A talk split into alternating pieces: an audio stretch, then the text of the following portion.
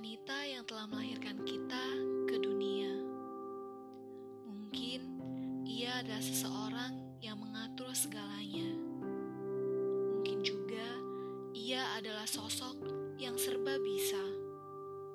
Atau mungkin ia tidak sesempurna wanita-wanita lainnya di luar sana. Tapi perjuangannya ketika kita berada di dalam kandungannya Dan selama itu juga dia merasakan penderitaan, tidur yang tidak nyenyak, kebiasaan makan, hingga bentuk tubuh yang ikut mengalami perubahan. Itu semua hanya perubahan fisik yang bisa kita lihat. Tapi bagaimana dengan faktor psikologis yang mungkin tidak kasat mata? Setiap rasa tidak enak yang ia sembunyikan, bukan hanya ketika kita berada di dalam kandungannya, tapi selamanya. Selama itu pula, ia akan terus khawatir dengan buah hatinya. Berapapun umur anaknya, seorang ibu pasti akan selalu menganggapnya sebagai anak, di mana kekhawatiran yang tidak pernah berkurang. Hanya saja, cara mereka mengungkapkan itu semua mungkin berbeda-beda. Tapi pada akhirnya, dengan kehadiran kita, ada sosok seorang ibu yang selalu bersedia mendampingi. Karenanya, jasa seorang ibu itu tidak pernah akan terbalaskan.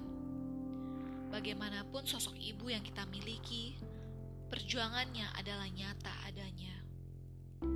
Karena itu juga, tidak ada salahnya kita sekadar mengucapkan selamat hari ibu kepadanya. Tanpa hadiah apa pun, pastinya sosok yang telah melahirkan kita itu akan merasakan kehangatan dan kebahagiaan.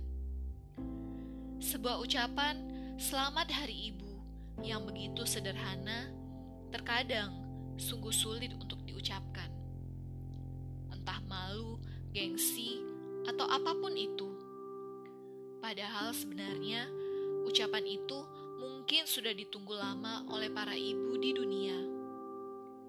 Berikanlah apresiasi dan perhatianmu kepada ibu yang telah berjuang melahirkanmu. Jangan tunggu semuanya terlambat, karena sesuatu yang sudah terlambat hanya akan menghadirkan kekecewaan belaka. Karena itu juga, melalui podcast episode kali ini, aku ingin mengucapkan selamat Hari Ibu kepada semua sosok ibu di dunia, khususnya untuk mama tercinta. Semoga semua ibu di dunia selalu berbahagia. Terima kasih telah memilih menjadi ibu bagi kami, anak-anak.